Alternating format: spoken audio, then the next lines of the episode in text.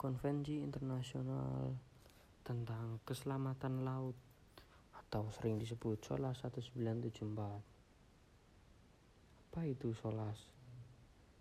SOLAS adalah peraturan tentang keselamatan telah direvisi beberapa kali sejak diperlakukannya termasuk pengaturan tentang keselamatan navigasi navigasi sebagaimana dituangkan pada bab 5 konvensi tersebut dengan diperlakukannya revisi khususnya bab 5 tentang safety of navigation sesuai dengan ketentuan kapal harus dilengkapi dengan peralatan navigasi, khususnya peralatan navigasi elektronika yang jumlahnya dan jenisnya makin bertambah.